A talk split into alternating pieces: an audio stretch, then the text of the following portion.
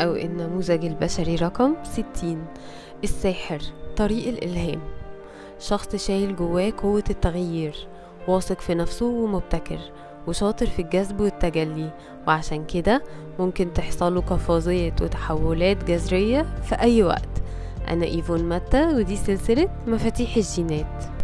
الشخص ده بيعرف يستخدم الأنظمة والقواعد والهياكل بطريقة كأنها إناء ممكن يحتوي السحر بتاعه ويطلع منه ابتكارات عظيمة جدا. الأنظمة دي ممكن تكون على مستوى المادة التفكير المشاعر أو حتى الطاقة. بيقدر يحول نظرته ليها بدل ما يبصلها على إنها حدود وحاجات بتأيده إنه هو بيشوفها المكان اللي يقدر يعمل جواه السحر. ويطبقه على أرض الواقع. هو بيقبل بلغز الطفرات اللي بتحصل وبيثق في التحولات الجذرية اللي ممكن تتفعل جواه وفي البيئة كمان اللي حواليه. هو شخص فاهم كويس قوي القوانين الكونية.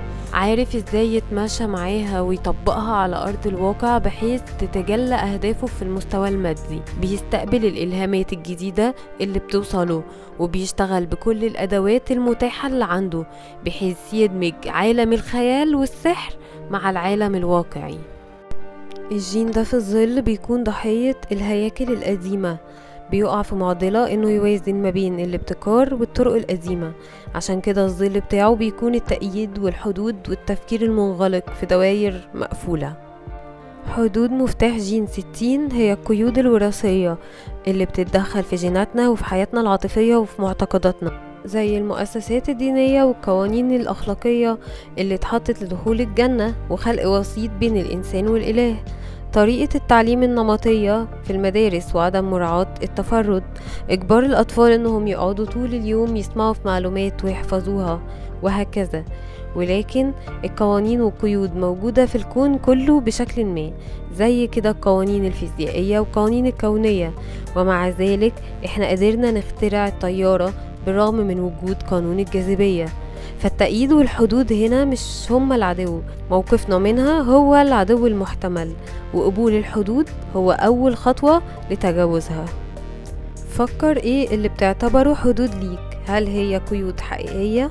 ولا دي مجرد قصة قلتها لنفسك عن إنك ما تقدرش تكون مختلف؟ الناس اللي غيروا مجرى البشرية كان عندهم نفس الحدود لكنهم حكوا لنفسهم قصة مختلفة. قدروا بيها يعملوا تأثير كبير في العالم. انت بتتعامل مع ظل التأييد بطريقتين. في الطبيعة القمعية بتكون غير منظم عشوائي جدا وغير متناغم مع طاقة الحياة وممكن ده ينعكس على جسمك المادي ويسبب أمراض وغالبا بتكون هضمية. أما في الطبيعة التفاعلية فبتكون صارم ومتحكم بيكون بالنسبة لك النظام هو الأمان فبتكون صارم مع نفسك جدا وكمان متسلط على اللي حواليك. عندك غضب كبير ممكن ينفجر في أي لحظة ولكن السحر بيحصل في وجود شكل من أشكال الهياكل مع عقل منفتح. لو استخدمت الهياكل دي من غير ما تكون ضحيتها ساعتها هتكون حر. لما تبص للحدود بطريقة جديدة وتحول موقفك تجاهها هتبطل الحدود تكون هي العدو. لما تستخدم الحدود لتطورك وتشوف إيه أفضل الأدوات اللي معاك دلوقتي وتسمح للأفكار والإلهامات إنها توصلك ساعتها هتلاقي كل القيود اللي أنت حاططها على نفسك ما بقتش موجودة وتوصل للهدية وهي الواقعية.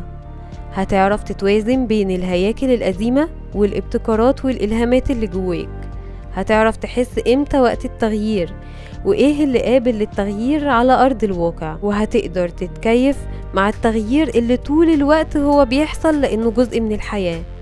أنجح ناس في العالم هم اللي بيقدروا يتكيفوا مع التغيير ويستفيدوا منه ويكسبوا كمان. وتفاعلك المستمر مع الإلهامات والابتكارات بكل واقعية هيظهر بشكل عفوي ومفاجئ. وساعتها السحر مش هيكون بعيد أبدا. أما في المستوى الثالث فبتوصل للعدالة.